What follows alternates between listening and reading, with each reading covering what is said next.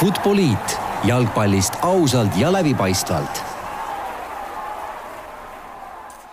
No nii, tervitused taas kõigile jalgpallisõpradele, tuhat vabandust neile, kes vahepeal Futboliidi uusi osasid ootasid, aga pikka ninaga jäid. Nagu olen mitmel pool juba tegelikult selgitanud, olime vahepeal erinevatel põhjustel sellisel väikesel suvepuhkusel,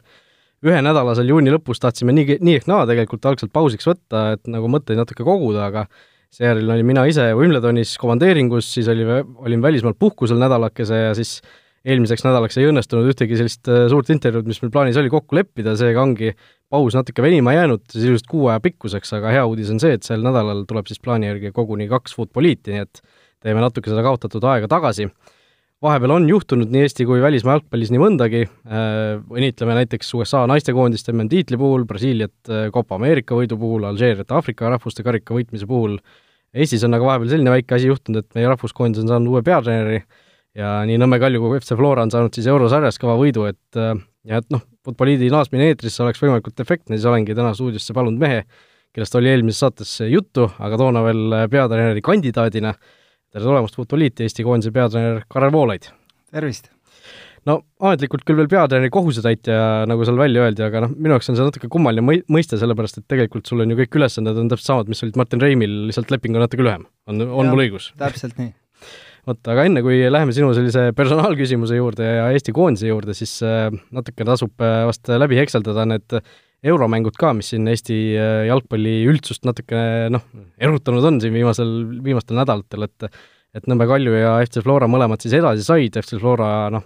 teist korda ajaloos üldse klubi ajaloos esimesest ringist edasi pääses, Nõmme Kalju alistas siis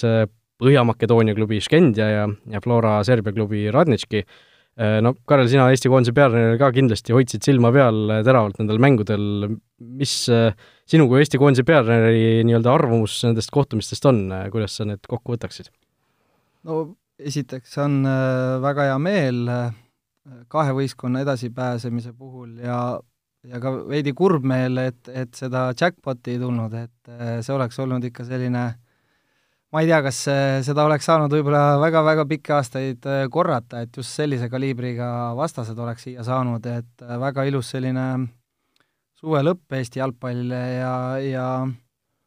ja, ja ikka hoian silma peal, et äh, peale nende mängude jälgisin ka veel teisi euromänge, kus meie koondise mängijad siis osalised on, et, et saada üldist sellist pilti, et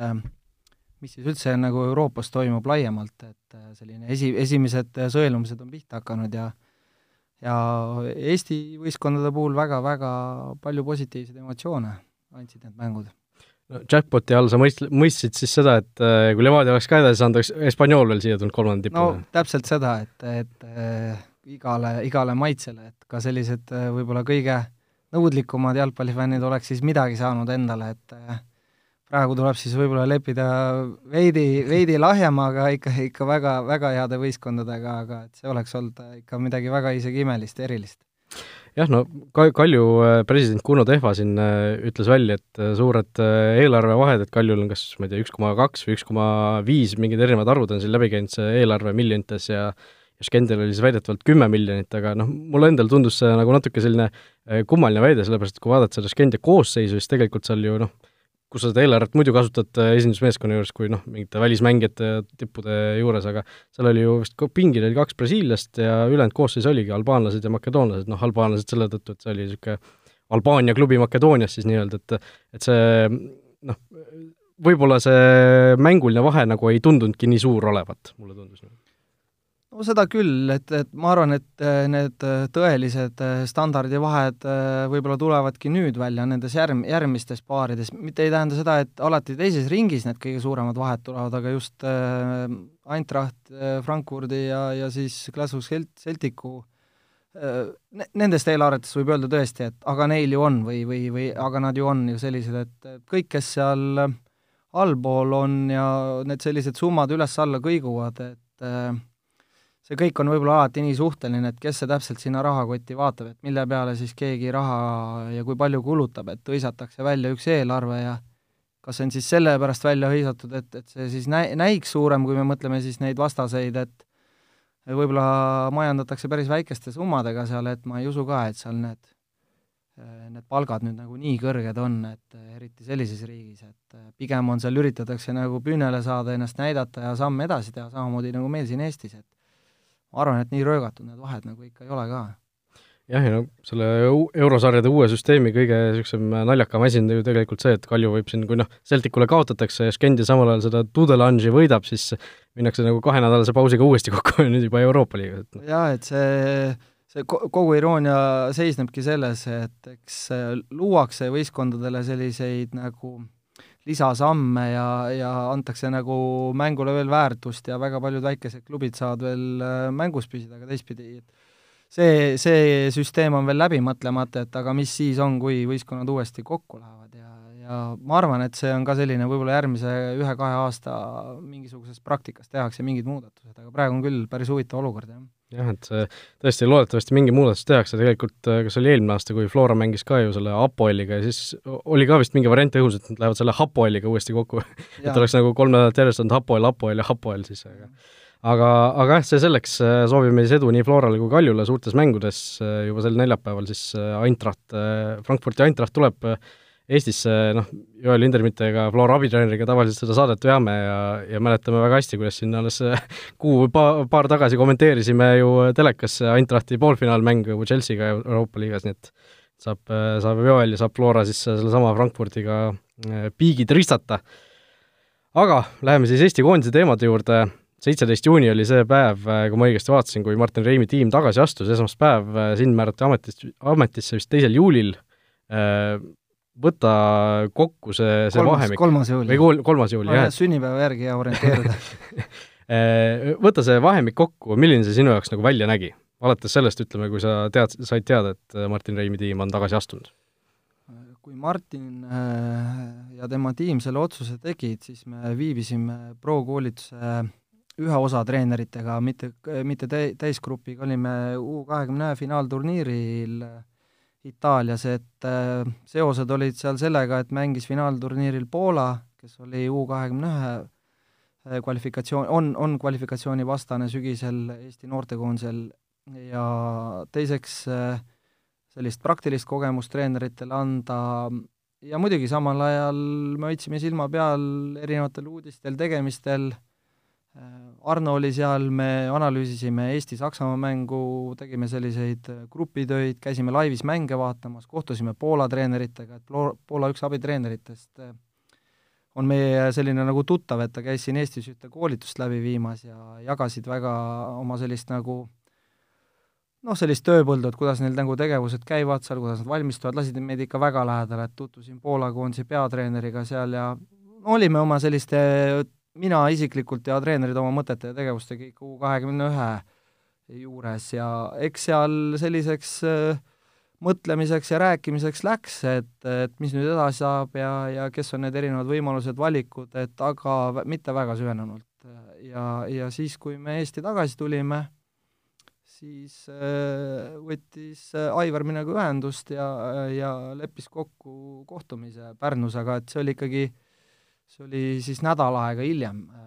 isegi rohkem äh, peale seda, seda, kui öeldi, et nüüd on kõik, et äh, ja nii, niimoodi need esimesed sammud käisid, et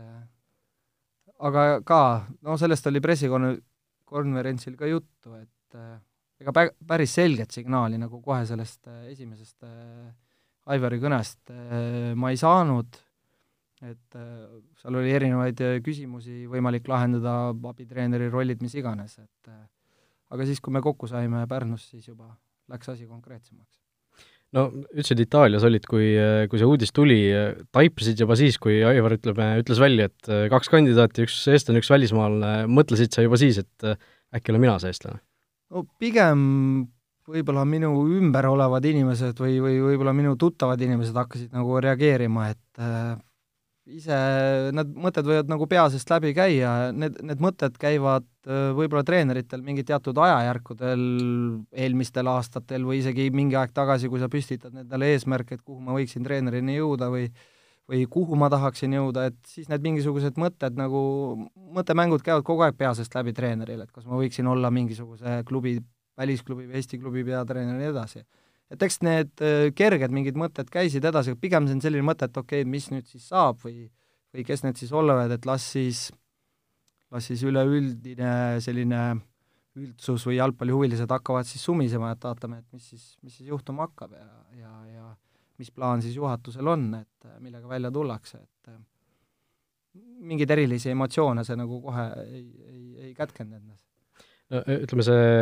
tagasiastumine oli esmaspäeval, ma saan aru, et Aivar helistas sulle neljapäeval ei oli..., ei, mulle helistati alles pühapäeval. või pühapäeval alles. ütleme, seal peaaegu nädal aega oli vahet, et äh, olid sa juba sel ajal nagu mõelnud ka siis, et ju siis ei ole mina, et kui mulle pole veel helistatud või, või või oli see ikkagi äh, nagu selline, et kui sa, kui ta helistas, siis sa juba taipasid, et okei okay,, nüüd on vist see? Ma ei, jah, ma olin, siis oli jaanipäeva periood täiesti, et, et ma olin täiesti jalgpallist välja lülitanud ennast ja oma lähedastega koos äh, Kesk-Eestis ja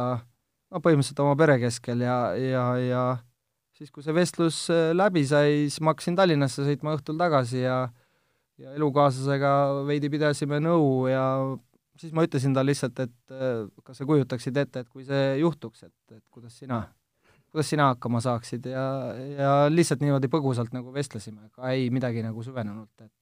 nende päevade jooksul, mis sinna siis äh, esmaspäev, teisipäev, kolmapäev, neljapäev kuni Pärnu kohtumiseni aega oli, et äh, ma teadsin ju, et juhul, kui peaks tulema see pakkumine, et siis läheb äh, mitte väga kiireks, aga läheb kiireks, et ma pean kiiresti mõtlema selle peale, et mis oleks minu võimalused, alternatiivid ka nende kaastreenerite näol siis, et mingid mängud ma siis juba pea sees läbi käisin, et mis iganes siis teemaga seal välja tullakse, et aga jah, et äh, võib-olla kuna ma olin paar päeva nagu süvenenumalt siis mõtelnud, et siis äh, oli see neljapäevane vestlus ka nagu sujuvam ja, ja teatud ideed nagu haakusid päris hästi meil. Äh, no Pärnus Aivar Pohlakuga ja Hanno Kivisillaga, ma saan aru, kohtusid, seal sulle see nii-öelda ettepanek tehti, milline see vestlus välja nägi, kaua see kestis, olite te kuskil mit-, mitu tundi, arutasite asju või? Olime pikalt jah, olime, lõpuks läks kaks pool tundi. Ja, ja noh, küllaltki selline sisukas, kuna, kuna sellest hetkest, kui, kui see kas on üldse soov ja, ja, ja kas üldse reaalselt äh, ma näeksin seda rolli, kui see nagu esimene positiivne reaktsioon tuli, siis sealt pealt muidugi hargnesid nagu väga paljud erinevad teemad lahti, et äh, läksime, läksime väga sügavuti tulemustest, mängijatest kuni väikeste pisikeste detailideni välja, käisime need kõik läbi, jagasime selliseid oma, oma nägemusi ja arvamusi, et et selle pealt ta läks nagu päris pikalt ja konkreetselt ja, ja oli ka väga hea, sellepärast me võitsime sellest esimesest vestlusest juba väga-väga palju aega. Äh, no mõtlemisaega sulle ja seejärel natuke sa, ma saan aru, anti äh, veel pärast seda vest-, vestlust, äh, aga sisimas sa olid ilmselt selle otsuse juba teinud, et, et ma olen valmis, ma võtan selle pakkumise vastu? jah, et ka sealt oli selline mingi lugu edasi, et ma olin oma kalendrisse planeerinud U seitseteist Balti turniiri kõikide mängude nagu kohapeal vaatamise ja ma ei muutnud oma plaani, vaid äh, väisasin seal Lõuna-Eestit ja mul oli piisavalt aega nagu selle kahe-kolme päeva jooksul sellised nagu konkreetsed otsused vastu võtta ja reageerisin ise ka kiiresti ja tegin kohe sellise plaani valmis oma peas, et kes on minu selline võimalik abipersonal, mida ma pean nagu väga-väga ülioluliseks sellises projektis. ja sain nende kõigiga räägitud ja ka osadega isegi ka juba kohe kohtutud ja, ja asjad nagu selgeks. ja kui sealtpoolt olid kõik sellised head positiivsed signaalid minu jaoks, siis see nagu kogu see lõplik jah, otsus nagu küpses nagu siis kahe-kolme päevaga väga selgeks nagu selleks, et okei okay,, et et sellises olukorras, sellises situatsioonis, selliste inimestega minu ümber eh, läheb see asi käiku, et, et ma olen valmis selleks. no abitreeneritest juba rääkisid, Maarjo Hansi, Aivar Anniste, Mart Poom ja Vladimir Vassiljev, eh, kui nüüd noh, treenerite osa vaadata, mitte neid füsiosid ja kõiki teisi abipersonali, et et kirjelda natuke igat meest sealt seltskonnast, räägi, kuidas, kuidas ja miks just eh, nii-öelda tema juurde jõudsid, et Maarjo Hansi on, ma saan aru, sinu nagu parem käsi. Jah, ma võin võttagi lihtsalt äh, ausalt järjekorras ka, siis on kuulajatel ka võib-olla huvitav, et äh, kuna ma sõitsin Tartu peale seda Pärnu kohtumist, ma kohtusin tegelikult Ott Meeritsega kõigepealt äh, lihtsalt sest ajaliselt see klappis kõige paremini, sest ega mul oli vaja ka nagu selgeks saada see, et äh, mitte ainult selline sportlik taustujõud ja Otti ma pean ka tegelikult nagu nii sellise mängijate fitness sportliku poole pealt kui ka sellise nagu taastusprotsessi poole pealt oluliseks lüliks, et tema aeg nagu klappis kõige paremini ja temaga ma sain kohe kokku, temalt ma sain sellise positiivse signaali ja me oleme tegelikult aastaid Otiga äh, vähemalt minu silme läbi väga heal lainel olnud, et äh, tema need head Tartu sellised omamoodi mõtted nagu annavad nagu minule ka head värskust juurde ja Maarja oli kohe järgmine sealsamas Tartus ja tema koha pealt mul oli pilt väga selge, kes ta on ja mis on ta nagu võimed, et kes teda nii palju veel ei, ei tunne, siis äh, tal on piisavalt nutikust äh, sellises nagu äh, IT poole pealt, mis puudutab selliseid igasuguseid videosi ja ja, ja neid lõikamisi ja töötlemist ja teistpidi on ta küllaltki nagu tugev ka prakti-, praktikuna, et kui tal jalgpallisaapad jalga panna, siis ta ei kuku pikali ja saab pallile väga hästi pihta, et et ma nägin sellist head kaks ühe, ühes persooni ja juba mingi kogemus oli ta ka U kahekümne ühes töötades olemas ja see oli väga positiivne. järgmine oli Mart Poom, kes puhkas, ei olnud Eestis, aga, aga tema juba andis ka sellise signaali ju seal lahkumispressikonverentsil ja noh, tuleb tõele au anda, et Eestis nagu hetkel parimat äh, nagu spetsialisti sellele positsioonile, ma ütlen lihtsalt niimoodi, veel ei ole, ja, ja Mart on tõeline professionaal ja fanaatik ja jalgpallihull, nagu me kõik oleme, et äh, temaga äh, koostöö saab olema kindlasti ka väga selline au auväärne minu jaoks, et ja ma arvan, et ka temal tegelikult on minult ja meilt õppida midagi. ja järgmisena oli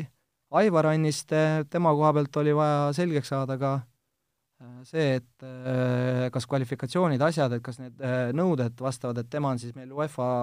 B-kvalifikatsiooniga ja alustas just nüüd UEFA A-koolitusel osalemist. ja aga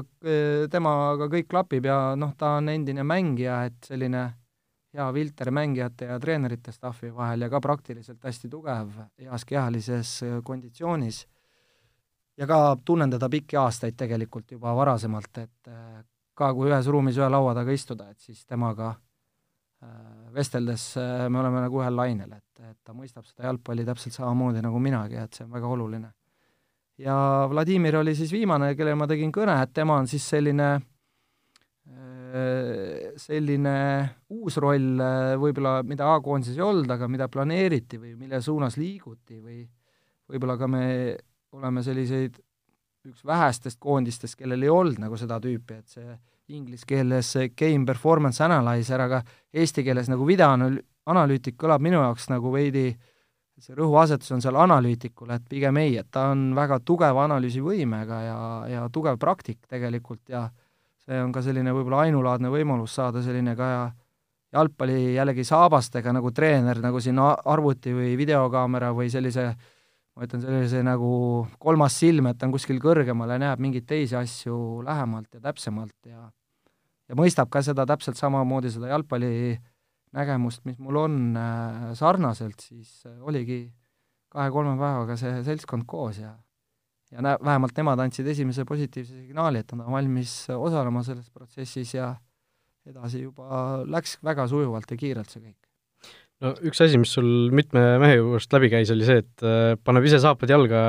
näitab ette siis vajadusel või? näitab ette, osaleb protsessis, on äh, mängijatele selline nagu sparingupartner harjutustes, kui vaja,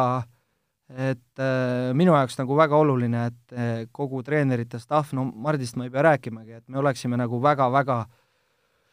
nagu hingaksime seda jalgpallirütmi ja õhku ja et, et, et kui jutt käib äh, kas või siseküljasöödust, et me ikka nagu väga hästi teame, millest jutt käib ja ise, ise nagu seda oskame ja tunneme, et see on minu jaoks nagu ülioluline, et äh,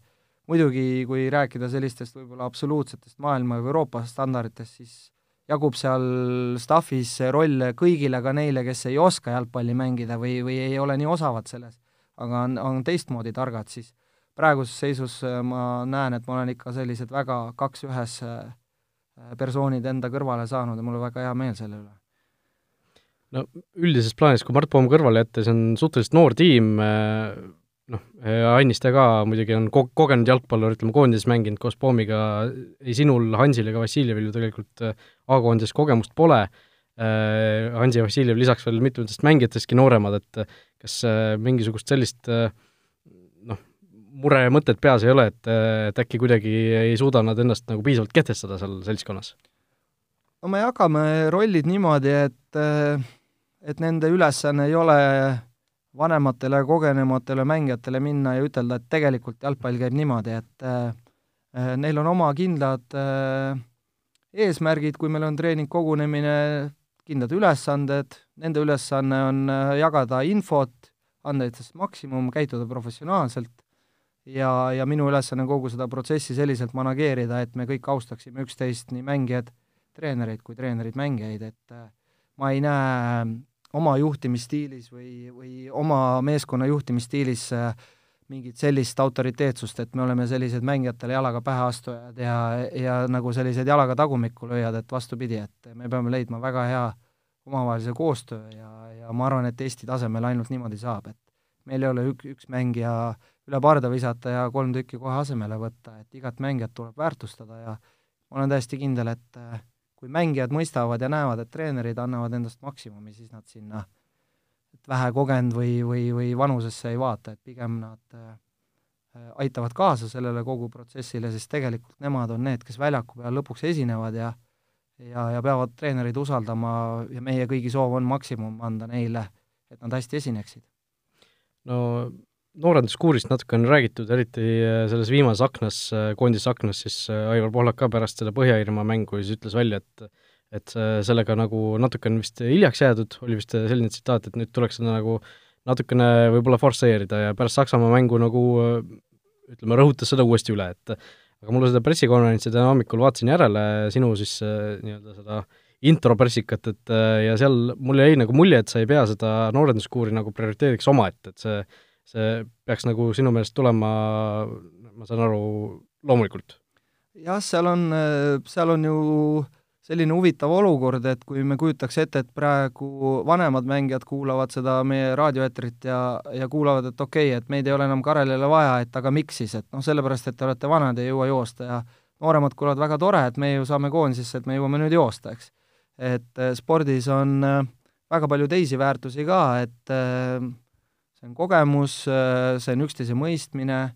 see on endast maksimumi väljapanek, äh, äh, vaatamata vanusele ma näen Eesti koondises mängijaid, kes suudavad väga hästi veel võistkonna jaoks toimida ja endast anda, mina pean kindlasti mõtlema seda, et milline on see kõige parem tasakaal, millistele positsioonidele me vajame sellist noorust, kiirust, kiiremat taastumist, kuidas iganes seda spordis nimetada.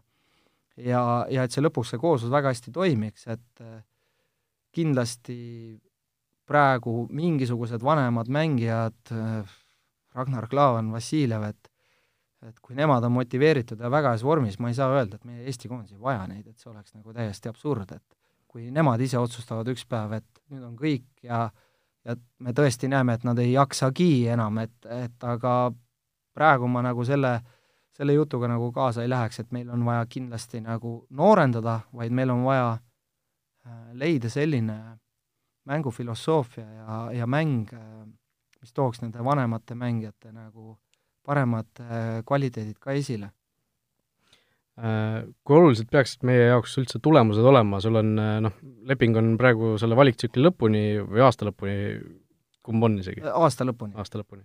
et äh, meil on väga tugevad mängud siin tulemas äh,, valiksarjas enam sisuliselt midagi püüda ei ole peale selle viimase koha vältimise, mis tegelikult on vist põhimõtteliselt ju lihtsalt äh, nii-öelda emotsionaalne, emotsionaalne võit, et see midagi reaalselt meile ju,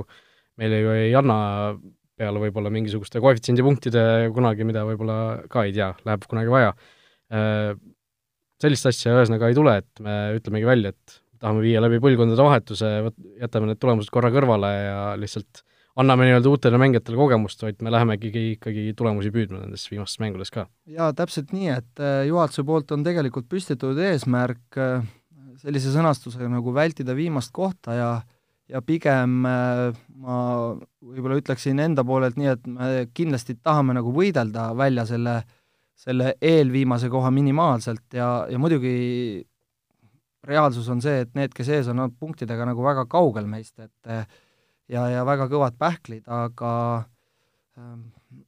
mu jaoks oleks nagu täiesti absurdne töötada ilma väljakutseta või ilma, või mingisuguse pinge, vabaduse või langusega, et midagi pole ju võita või midagi pole püüda, et ma arvan, iga sekund, iga minut, isegi Hollandi-Saksamaa mängust on meil kogu aeg midagi võita või püüda või tõestada või, või tahta või näidata, sellepärast et need on, see on puhas investeering tulevikku, et see on äh, sõnum äh, fännidele, see on sõnum äh, noorematele mängijatele, see on sõnum päris väikestele jalgpallihuvilistele, emadele-isadele, kellele iganes, et me peame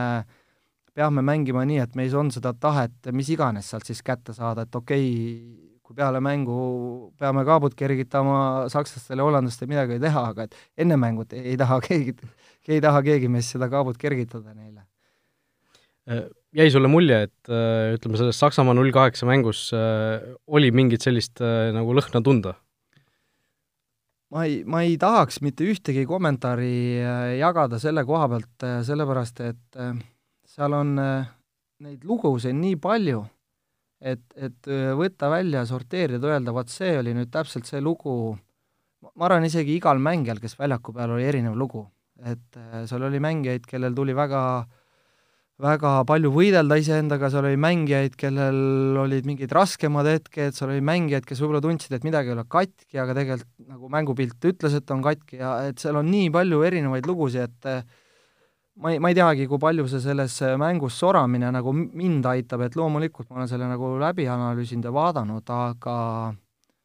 mu lähtekohad ja, ja stardipunkt mängijatega töötamisel ei ole Saksa mäng, et see on midagi muud, see on, see on hoopis mingi, mingi teine, teine moment, et äh, minu jaoks vot see Saksa mängus, kui ma nüüd nagu sinna väga sisse lähen, et see on sellise nagu, ma näen, et selles mängus äh, Äh, selle mängu üle liiga mõtlemine või, või liiga palju mängijate üle mõtisklemine tegelikult ei anna mulle mitte mingisugust eelist Valgevenega mängus, et äh, ma pean selle kuidagi kõrvale panema ja, ja mõtlema hoopis teistele väärtustele, olulisematele asjadele, mis on, mis ootavad meid ees meie esimeses mängus äh,. Kuidas äh, sa hindad või kuidas sa plaanid, sa oled kindlasti selle peale juba palju mõelnud äh,, mingisugust enda sellist mängufilosoofiat äh, ma kindlasti sa oled Martin Reimiga rääkinud, sa, tean, sa, te saate omavahel hästi läbi, et et äh, noh, Reimil oli ju äh, näiteks see, et kui Pearsoni see nii-öelda Rootsi aeg lõppes, on ju, siis kõik olid väga väsinud sellest väga kaitsvast mängust, Reim tuli sellise vabastava, ründava mänguga ja sai noh, suhteliselt kiiresti oma need vitsad kätte seal Belgias, eks ju, et et kas sinu ülesanne, sa näed ka, on leida nagu selline tasakaal selle ilusa mängu ja tulemuste poole või noh, tulemuste nii-öelda väljavõitlemise vahel, et noh, vahel tuleb ju selleks äh, väga kaitsvalt mängida ja ise kuskil ees ära lüüa meie, meiesugusel koondisel, et äh, näed sa sellist asja ka ühe nii-öelda põhiülesandena? jaa, selge on see, et äh, A-koondise selline igal riigil on see mõõdupuu, on ikkagi nagu resultaat, see on, see on nagu selge. aga ma ei taha kindlasti treenerina mitte kunagi tuua seda nagu vabanduseks välja, et mängime, mängisime täpselt sellepärast nii, et, et, et, et see resultaat on nii, nii tähtis, mus on piisavalt äh, seda pragmaatikut sees, et äh, et võistkond peab olema valmis episoodiliselt väga-väga-väga äh, sügaval kaitses mängima, kui lihtsalt need asjad lähevad nii, isegi kui sa ei planeeri, et ma, ma sa-, ma saan sellest jalgpallist täpselt nii hästi aru, et sult mõnikord nagu võetakse jõuga mingisugused isegi su kõige ilusamad plaanid ära, et, et sa võid seal mõelda, mis iganes sa tahad aga selge on see, et see lähtekoht on selline, et äh, me mitte mingil juhul nagu ei taha ja ei aktsepteeri seda nagu eos. et äh, lõpuks see siis äh, kajastubki meie mängupildis või resultaatides, et meil on plaan me töötame selle nimel, me tahame pakkuda midagi mängijatele ja publikule rohkemat, ja pärast on siis sellise, ongi see, see üldsus on see kohtumõistja, et kui hästi see meil kõigil välja tuli koostöös meie plaanide ja treeningutel ellu viiduga ja mängijad siis seal äh, selle üheksakümmend pluss minuti jooksu järel saavadki anda selle lõpplause, et, et, et kui osad küsivad, et mi-, et mis, mis see siis täpselt nagu on, et et ma olen mõne, mõnelegi sõbrale ütelnud, et ma tahan, et sa tuled seda esimene mängu vaatama, et, et sul peabki olema selle sees kõdi jalgpallifanaatikuna, huvilisena või kiibitsena, kelle iganes, et seal telekas vaadata ja siis anda oma hinnang sellele, et kas sulle see siis, mis me tegime, meeldis või ei meeldinud ja ma tean väga hästi, et need leerid jagunevadki tõenäoliselt igasugusteks erinevateks protsentideks, meil tahame töötada nii, et see protsent, kellele meeldis, oleks kõrgem, kui ta on seni olnud. Millised noh, ma kujutan ette, et see, kas sa jätkad või ei jätka aasta lõpus, oleneb siis sellest, lisaks tulemustest ka sellest kogu mängupildist, sellest kogu koondise nii-öelda meelestatusest, suhtumisest, milliseks või noh, ütleme, et milline sa tahad, et see Eesti koondis oleks aasta lõpus, kui sul nagu kõik õnnestub? selge on see, et no siin on selliseid nagu erinevad hoiakud, et kas nagu, et ma ei tea, võitlusvaim on kadunud kuskile või taheta või midagi, et jällegi, ma ei annaks hinnangut nagu võistkonnale, sellepärast et võistkonna sellist emotsiooni loovad indiviidid seal sees. et võimalik, et on mõne kahe-kolme mängijaga vaja mõned asjad ära lahendada, nendega selgeks rääkida, mõned kokkulepped, võib-olla tuleb välja, et see asi ei olegi nii hull, võib-olla tuleb välja, et see asi on hullem, kui me arvasime, et ähm, et selge on see, et äh, kõik, äh, kes pikemalt Eesti jalgpalli tegemisi on jälginud, teavad väga hästi selliseid, isegi tajutavalt või tunnetavalt, et praegu on meil jube hea periood või kuidagi mäng jookseb ja mängijad on kuidagi sellised, väga hea emotsioon ja mängujärgsed sellised reaktsioonid või intervjuud on väga positiivsed ja äh, kõigest sellest kuidagi nagu avaldub midagi, et ja ma arvan, et kui see siis sügisel on midagi sellist, siis kõik, kes teavad, mis see nagu hea või parem oli, tunnevad selle ise ära. et, et, mõni võib-olla ütleb, et ah, mitte midagi ei ole muutunud, kõik on ikka sama, et äh, tulemused on samad, mängupilt on sama, mõni annab mingi hinnangu või mängijad ise tunnevad, et, et midagi on muutunud, et see on nagu selline äh, minu peamine soov peatreenerina, et et äh, ka mitte ainult mängijad ise, vaid ka väljaspoolt inimesed nagu tunnetaksid, et okei okay,, midagi on nagu muutunud, et ma ei saa lubada kui palju see sajast protsendist nagu on, et kas see on kaks või kolm või viis, et selge on see, et me teeme kõik selle nimel, et midagi äh, muutuks paremaks ja aga see hoiak ei ole selline, et, et kõik on nagu valesti, sellepärast et ma ei lähtu sellest Saksamaa mängust, kui ma ainult selle peale mõtleksin, siis oleksid äh, toonid väga kehvad, aga, aga ma ei lähtu sellest ainult no algus on sul kohe päris, päris keeruline, et okei okay,, kaks Valgevene mängu on ka, aga sügises äh, peitub meil veel kaks mängu Hollandiga ja üks Saksamaaga, et et ega, ega lihtne ei saa olema. täpselt, et äh, võib-olla ei tahagi, et oleks või, või et, või et kuidas Eesti koondise treener mõtleb, et mul on jube hea algus, et alustan siin San Marino, Gibraltari ja Liechtensteiniga, aga võib-olla mängid kolm mängu viiki. et kas see siis oli nagu väga lihtne algus, et et ma niimoodi võistkondade järgi ei mõtle, et pigem mul on väga hea meel, et, et me saame mängida esimese mängu kodus ja me saame esimese mängu sellise vastasega, kes on väga sarnases seisus nagu meie, tabelit silmas pidades, ka neil on uus treener, et äh, minu jaoks just selline väga huvitav äh, äh, raskus, see sõna noh, sellisel tasemel on nagu äh, isegi Hollandi koondise peatreener, ma arvan, mõtleb praegu, et neil on küllaltki raske,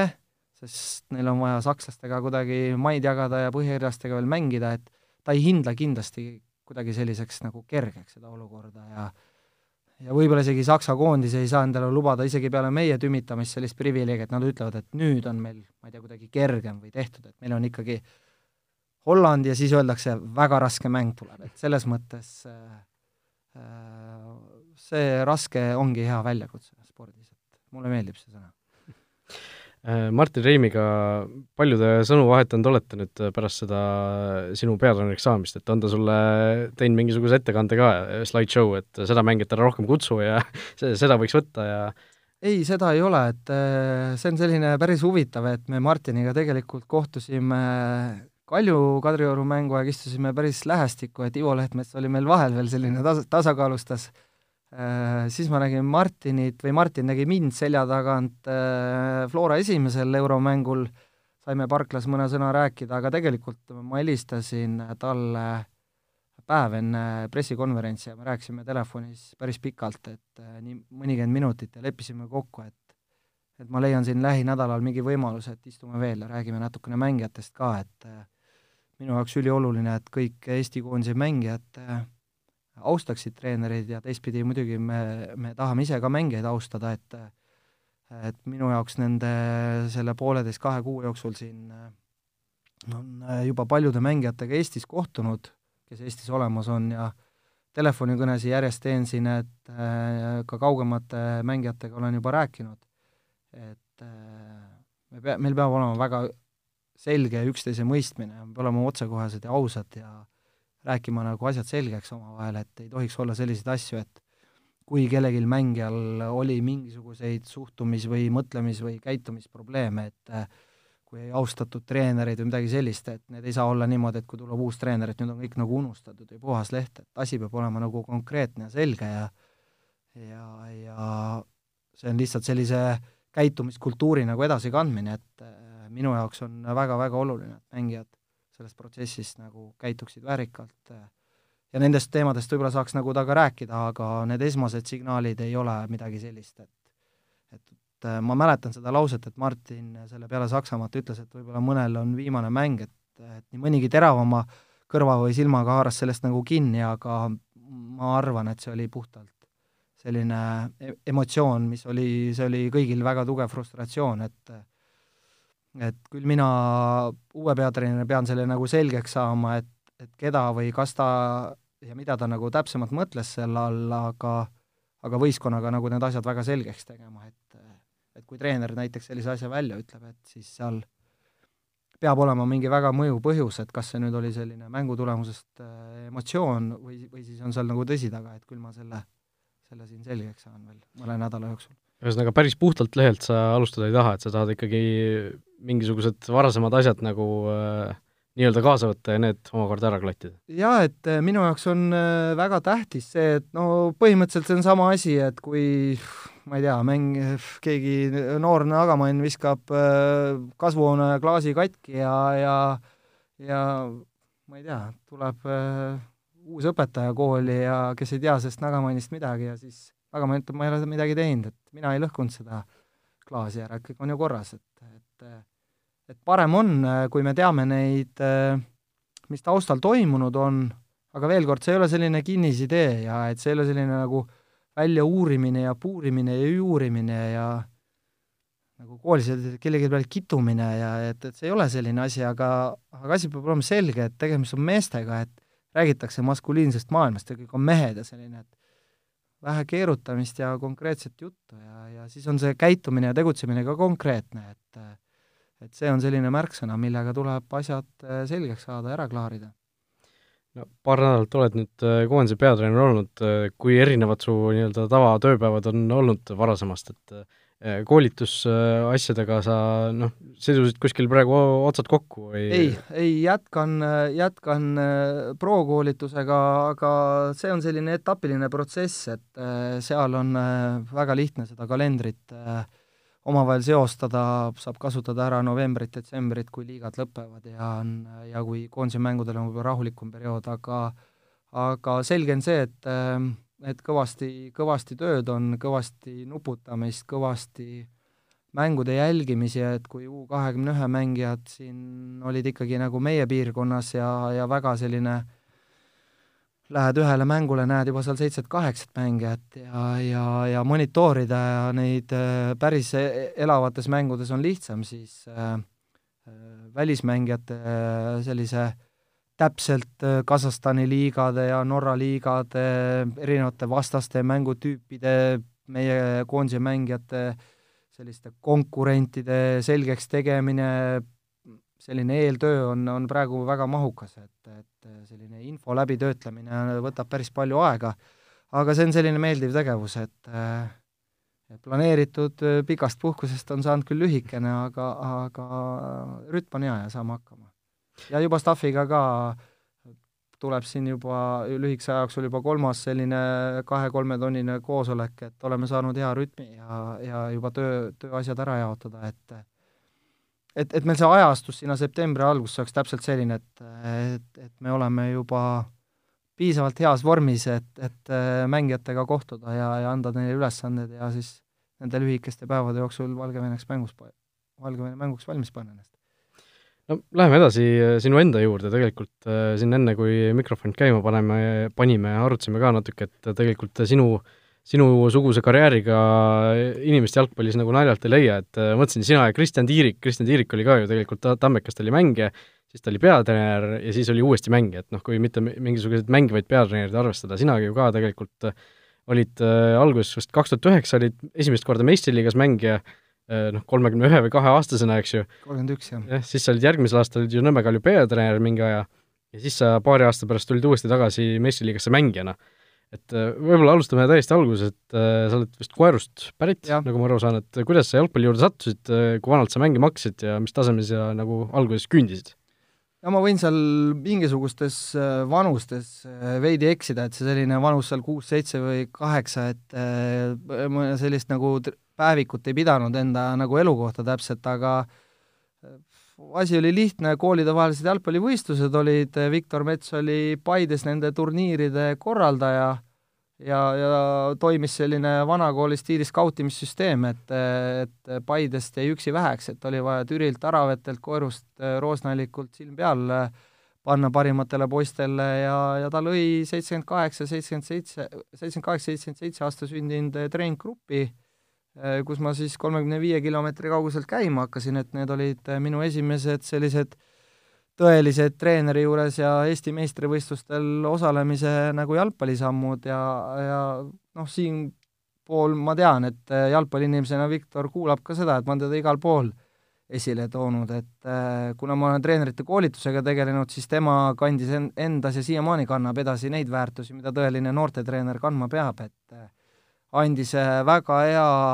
väga hea kooli, väga hea tehnilise kooli, mis äh, jäi sinna seljajuurikasse kuskile pidama ja ja, ja tänu temale ma olen selli-, olin selline mängija, nagu ma olin, et äh, üleminek Paidest Tallinnasse oli minu jaoks keeruline, Meelis Rooba, Urmas Rooba, Liivo Leetmaa, kes minu võistkonnakaaslased olid, nemad said paremini sellise emotsionaalse poolega hakkama, mina ei saanud ja isegi täiesti mingiks hetkeks äh, jätsin jalgpalli sinnapaika, äh, nemad läksid noorte tasemel tippu edasi, mina tulin ringiga madalamatest liigadest tagasi ja ja jõudsin lihtsalt üks päev jälle Viktor Metsaga Valtus seekord kokku, kui siis äh, koolidevahelised Snickers Cupi turniirid olid ja ja minul oli selline võimalus, kus mängis Gerd Kamps näiteks, et Koeru kool võitis Järvamaal äh, Järvamaal äh, sellise maakondliku turni-, maakoolide võis-, võistlused ära, muidu oli Roosnalliku seal valitsenud kogu aeg, aga aga kui ma alustasin äh, ise mängijana veel noorte poistega seal selliseid, ma ei nimeta veel treeninguid, aga koos, koos jalgpalli mängimisi, siis noored poisid kiiresti said päris hästi pihta pallile ja, ja Valtus siis Viktor nägi mind äh, ja nemad otsisid too moment jalg-, Flora Kehtna jalgpallikoolile selliseid uusi treenereid, peatreenerid seal olid olemas, Tiit Raudnagel, Surab Koratseelia, Vitautas Plinstrubas, Viktor Mets, Erkki Keskula ja nendel oli kõrvale vaja selliseid häid noori asjalikke tüüpe, kes aitavad siis markereid maha panna ja teevad märkmeid ja panevad kõik kõrva taha, et äh, kutsus mind äh, Kehtnasse ja ja siis seal kohe kuskil algfaasis ma kohtusin Aivar Pohlaku esimest korda elus Tallinnas Roosikrantsi tänaval ja ja siis juba niimoodi rabinal läks see kõik edasi, et äh, see minu mängimine paralleelselt selle ajaga, kui ma treener olin, ja ma olen jõudnud oma treeneri karjääri jooksul siis viie kuni siis kolmekümne viie aastased äh, kõik läbi treenida, aga tüdrukuid olen treeninud, kes poistega koos treenisid, siis selle aja jooksul puhtalt minu mängimine oli selline äh, mitte enam selline mingisugune kar-, karjääri püüdmine, vaid võib-olla võib öelda isegi selline puhas jalgpalli testimine, et mis siis äh, nendel erinevatel tasanditel toimub, ähm, kas see meistriliiga on nii keeruline ja kuidas saab mängida seal hästi, keskmiselt või kehvasti ja nii edasi, et puhas selline katsetamine ja vastuste saamine, et äh, ja oma sõpradega ka muidugi sellise spordiala nautimine, et jalgpall on mul alati nagu hinges olnud, et kogu see pakett ongi selline väga huvitav siis nagu kujunenud, et et sellest CV-st võib siin nagu väga pikalt rääkida, et et, et aga ma ei kahetse nagu ühtegi sammu ja tead-, tea-, teadlikult sellised meistriliigas kui ma nägin, et selline võimalus tekib esiliigas või meistriliigas mängijana, et, et ma kasutan selle võimaluse ära, sest ma saan siis oma küsimustele vastused ka treenerina. Ja ma, ja ma sain ka need. sa ütlesid, noorena tekkis mingi paus sisse mingil hetkel, mis vanuses sa nagu selle nii-öelda püüdlemise kuskile mängijana ära lõpetasid? ma olin kuusteist siis, ma olin kuusteist, siis. Ma ei saanud äh, tšikki sisse, et seal oli mingi piiratud, piiratud arv jalgpallile, et oli maadlejad, korvpallurid, kes iganes, kõik siis need tõelised spordialad Eestis said neid kohtasid rohkem, aga jalgpallis oli vähem jah, Meelis ja, ja Urmas said sisse, mina ei saanud. ja no sellest loost võib raamatu ka kirjutada, aga ma siin pikalt rääkima ei hakka sellest, aga aga peale seda kuidagi minul kadus see motivatsioon ära ja, ja, ja võib-olla ei olnud too moment treenerite kvalifikatsioon või tase ka selline, et ei tegeletud selliste, mis toimub mängija pea sees mõtetega või kuidas aidata kaasa või vanemate poolt ka sellist survet ei olnud, et äh, ka sellised läbi lõhki spordi, spordiinimesed ja spordiperest ma pärit olen, aga et et anti selline nagu vaba voli, et okei okay,, et kui sa siis ei, ei taha seda sellisel kujul jätkata, las ta siis nii olla, et võib-olla see moment sellist nagu tõuget või motivaatorit oleks olnud vaja tagantjärgi, mul ei ole selliseid kahetsuse noote nagu sees, et jõudsin vahepeal Järva meistriks korvpallist tulla ja andsin, andsin hagu teistel, teistel aladel, aga ma mängisin jalgpalli tegelikult kogu aeg edasi ma lihtsalt, äh, see sõna Eesti mõistes nagu noorte tippjalgpalliga oli minu jaoks mingiks ajaks kõik.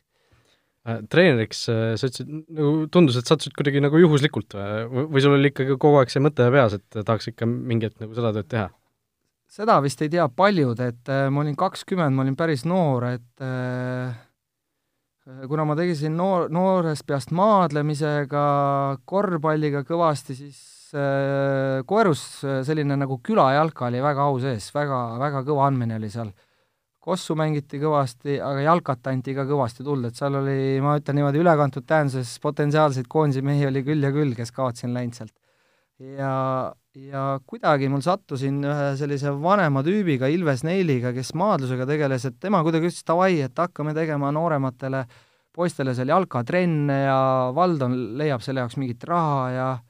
ja kaheksakümne ühed, kaheksakümne kahed, kaheksakümne kolmed olid esimene vanus ja teine vanus oli siis, äh, võib-olla ma eksin, viied-kuued, seal oli siis see Gerd Kamps ja kuidagi nii ta läks, et mul on need treeningpäevikud isegi alles, et, et seal mingi plusside süsteem ja kes lõi rohkem väravaid ja need mängijate nimed on mul alles, ma tunnen neid mängijaid väga paljusid siiamaani et sinust ju ainult mingi neli-viis-kuus aastat nooremad jah, jah, aga, aga ma ei tea, kuidagi probleemi ei olnud, et kunagi konflikte ei tekkinud nendega, et sellist autoriteedi küsimust ei tekkinud, aga ja siis ta kuidagi nii riburada pidi läks, et, et, et järsku ma olin peapidi selles kogus asjas sees ja, ja see motivatsioon sellest just Kehtna ajast nagu tekkis see nagu väga selgus, et, et ma väga tahan treeneriks saada ja ja ma tean, et ka need peatreenerid kirjutasid meie kohta iseloome, saatsid fakse Tallinnasse peakontorisse, siis sest äh, sellised äh, ja ma saan sellest väga hästi aru, et oli väga tähtis teada, et milline inimene sa oled, kas sul on sellist nagu tahet, soovi, üldse võimekust, oskusi, ja just siin üks päev äh, Surabiga rääkisime telefonidel ka, et Surab kirjutas siis minu kohta iseloomustusest, mina olin siis tema selline esimene abitreener. et Gruusia temperamendiga tehniline vanakooli vend, nagu ta oli, siiamaani on selline äh, et seda temperamenti pritsib igale poole, et tema ütles, et Karel Voolis saab raudselt nagu hea jalgpallitreener, et ta kirjutas sellise faksi kunagi, et see on mul siiamaani meeles, et et eks ma siis üritan talle tõestada, et, et, et ma seda olen ja, ja jätkuvalt edasi pürgin, et et mul on väga tähtis, et mingil momendil inimesed uskusid minusse ja andsid mulle võimalusi, et ka väga tänulik olen Aivar Pohlakule, kes kelle väga palju noori treenereid on läbi käinud sellest Kehtna süsteemist ja, ja võib-olla nii mõnelgi hetkel ma kuskil mingitel tasanditel sain vähekogenud treenerina krediiti, et ma olin U seitseteist koondise peatreener ikka väga noorena. et aga ma olen kõigele sellele väga tänulik ja, ja olen sellest äh, võtnud nagu sellise maksimumi, mis ma võtta saan ja ma olen alati enda jaoks äh, pidanud oluliseks sellist nagu samm-sammulist nagu arengut, et neid hüppeid äh, ja võimalusi nendeks hüpeteks on olnud varem ja ühega ma vastu näppe sain, Kaljuga ma sain vastu näppe, see oli hea elukool, ma ei kahetse mitte midagi, ja peale seda ma sain veel selgemaks, et äh, ka selles ametis on vaja piisavalt kannatust ja mitte kiirustada, et äh, võib-olla sellepärast ongi see, et aga Karel, sul ei ole ju veel nii palju kogemust äh, täiskasvanutega, kui võiks olla, aga ma ei tunne ennast hetkel üldse kuidagi vähekogenuna või, või mitte valmis meestega töötamiseks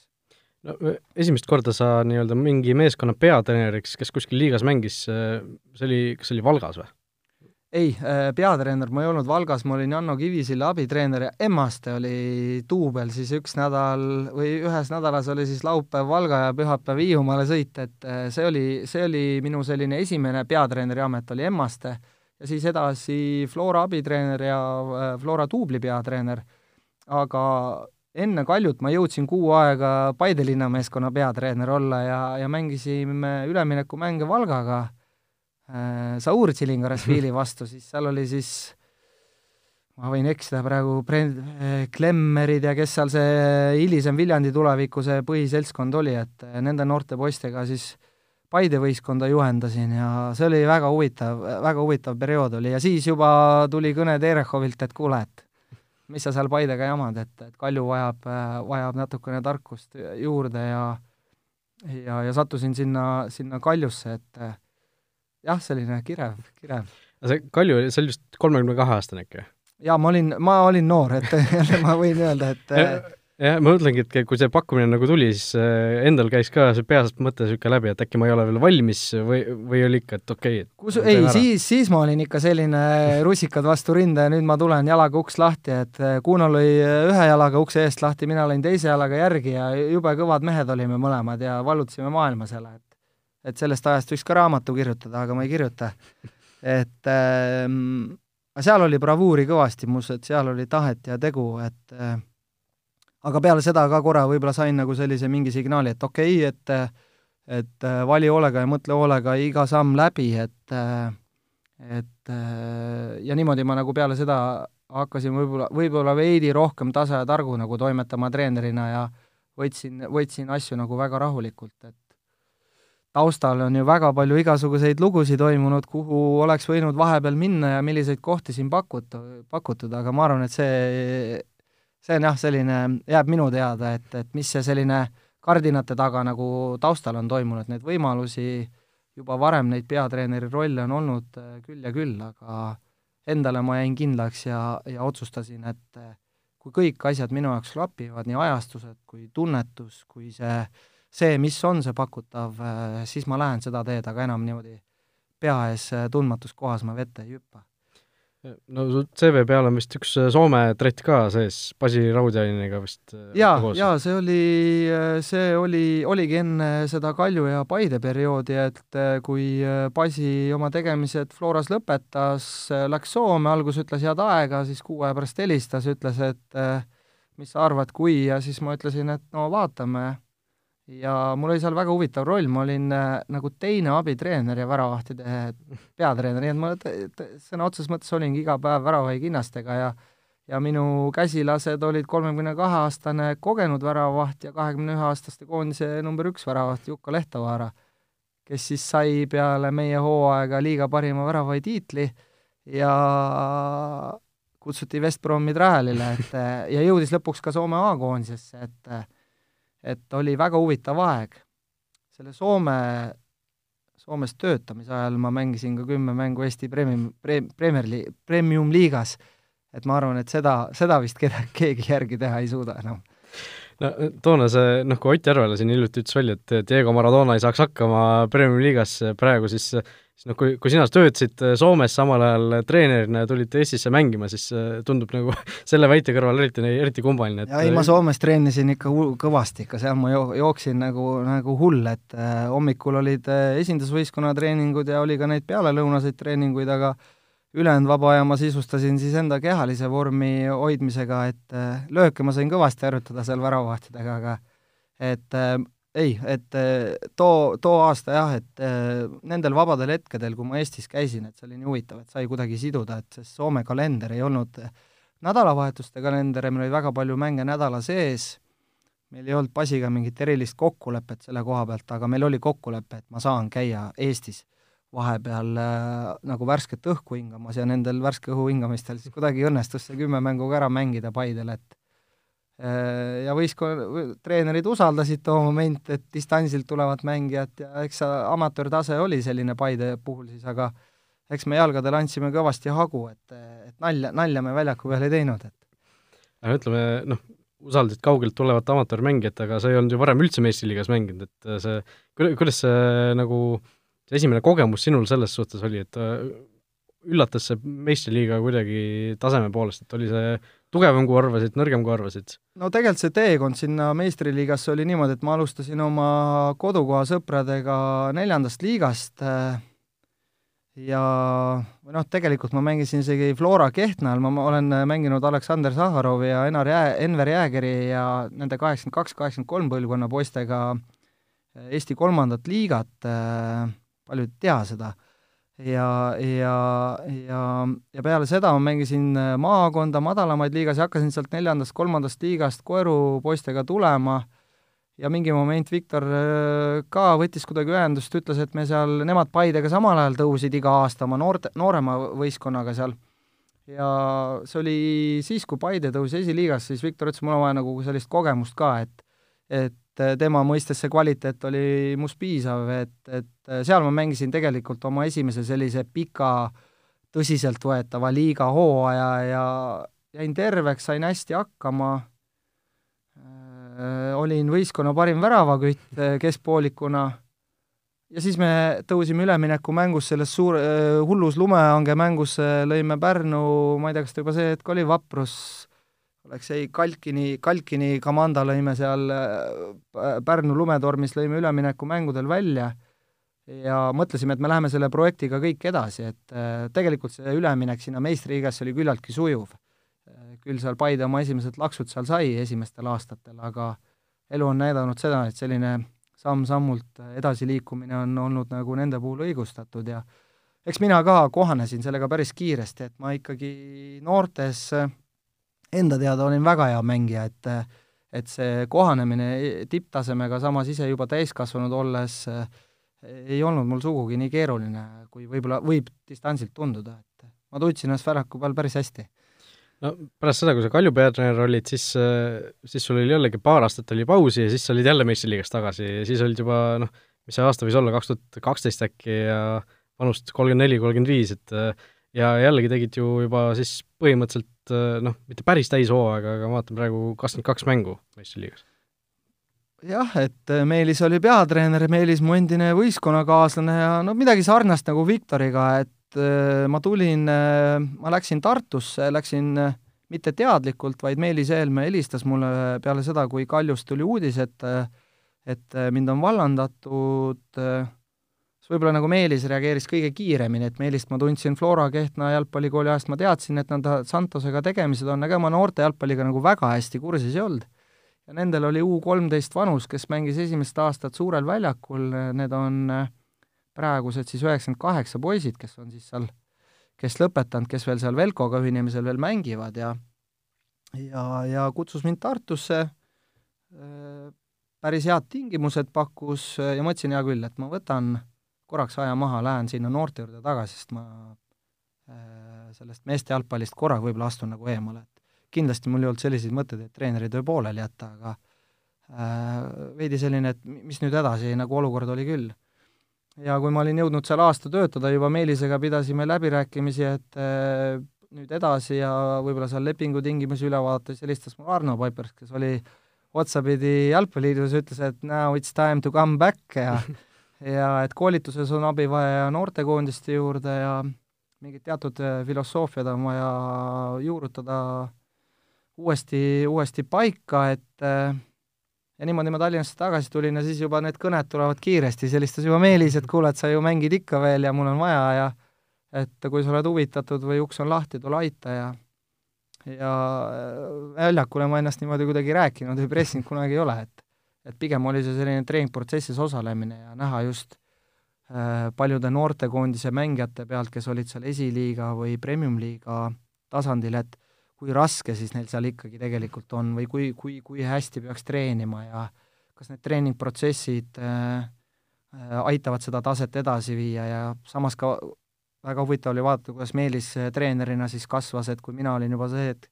pro kvalifikatsiooniga, siis Meelis oli UEFA B-tasemega, et et kuidas siis selline ja, ja UEFA B oli UEFA Pro peatreener. Äh, jah, et aga, aga et,